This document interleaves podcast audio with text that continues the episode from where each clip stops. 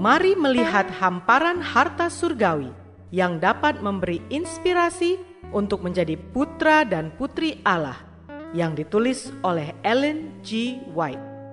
Melalui renungan pagi ini, kita akan mempelajari nasihat yang menguatkan dan memberi semangat untuk memperbaiki karakter kita. Bersama Mana Multimedia Ministry, selamat mendengarkan.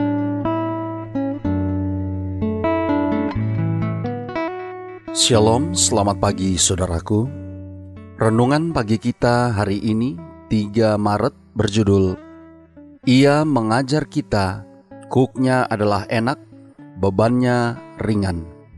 Bersama saya, Pendeta Andre Daembani. Ayat intinya diambil dari Matius 11 ayat 30. Demikian firman Tuhan.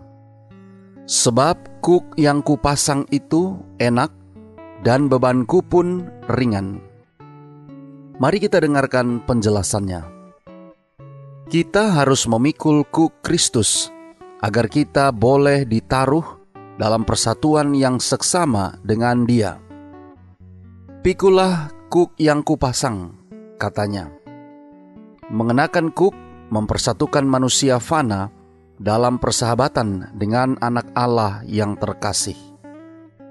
Mengangkat salib, memutuskan diri dari jiwa, dan menaruh manusia di mana ia belajar bagaimana memikul beban Kristus.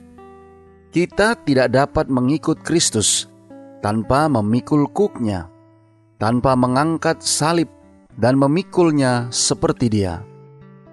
Kalau kehendak kita tidak sesuai dengan segala tuntutan ilahi, kita harus menyangkal kecenderungan kita meninggalkan segala keinginan yang kita kasihi, lalu melangkah dalam jejak kaki Kristus. Manusia membentuk bagi lehernya sendiri kuk yang tampaknya ringan dan senang untuk dipakai.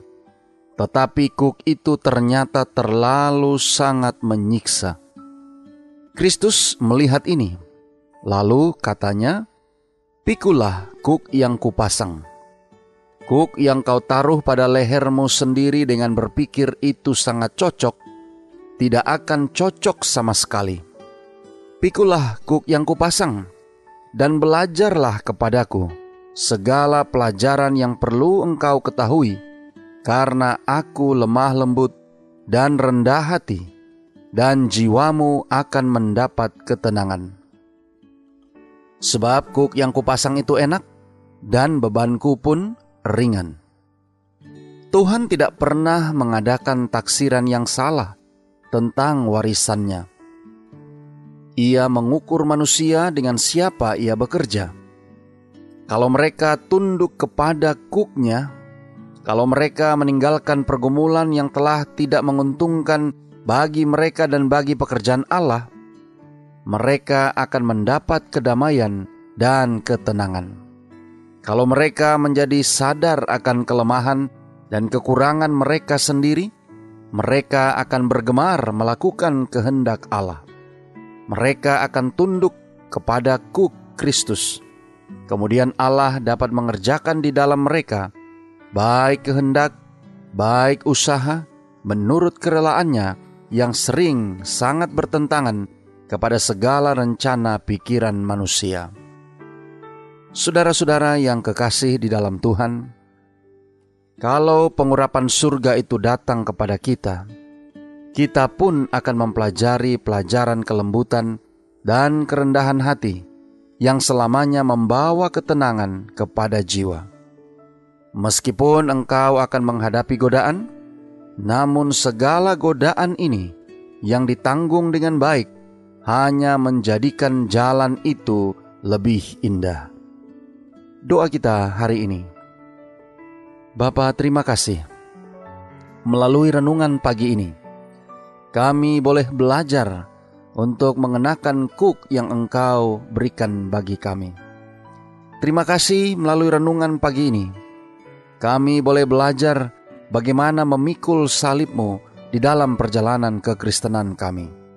Tolong kami hari ini Bapa, biarlah dengan pertolongan kuasa roh kudusmu, kami boleh senantiasa menghidupkan firman yang sudah kami dengarkan, senantiasa belajar untuk memikul salib Kristus di dalam setiap perjalanan kekristenan kami.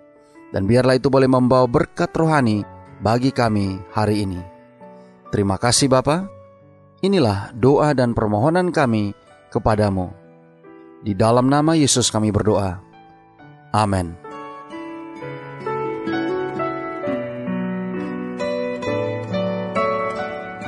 Demikianlah tadi pembahasan tentang menjadi putra dan putri Allah. Semoga firman Tuhan hari ini menjadi berkat bagi Anda. Sampai jumpa, Tuhan memberkati.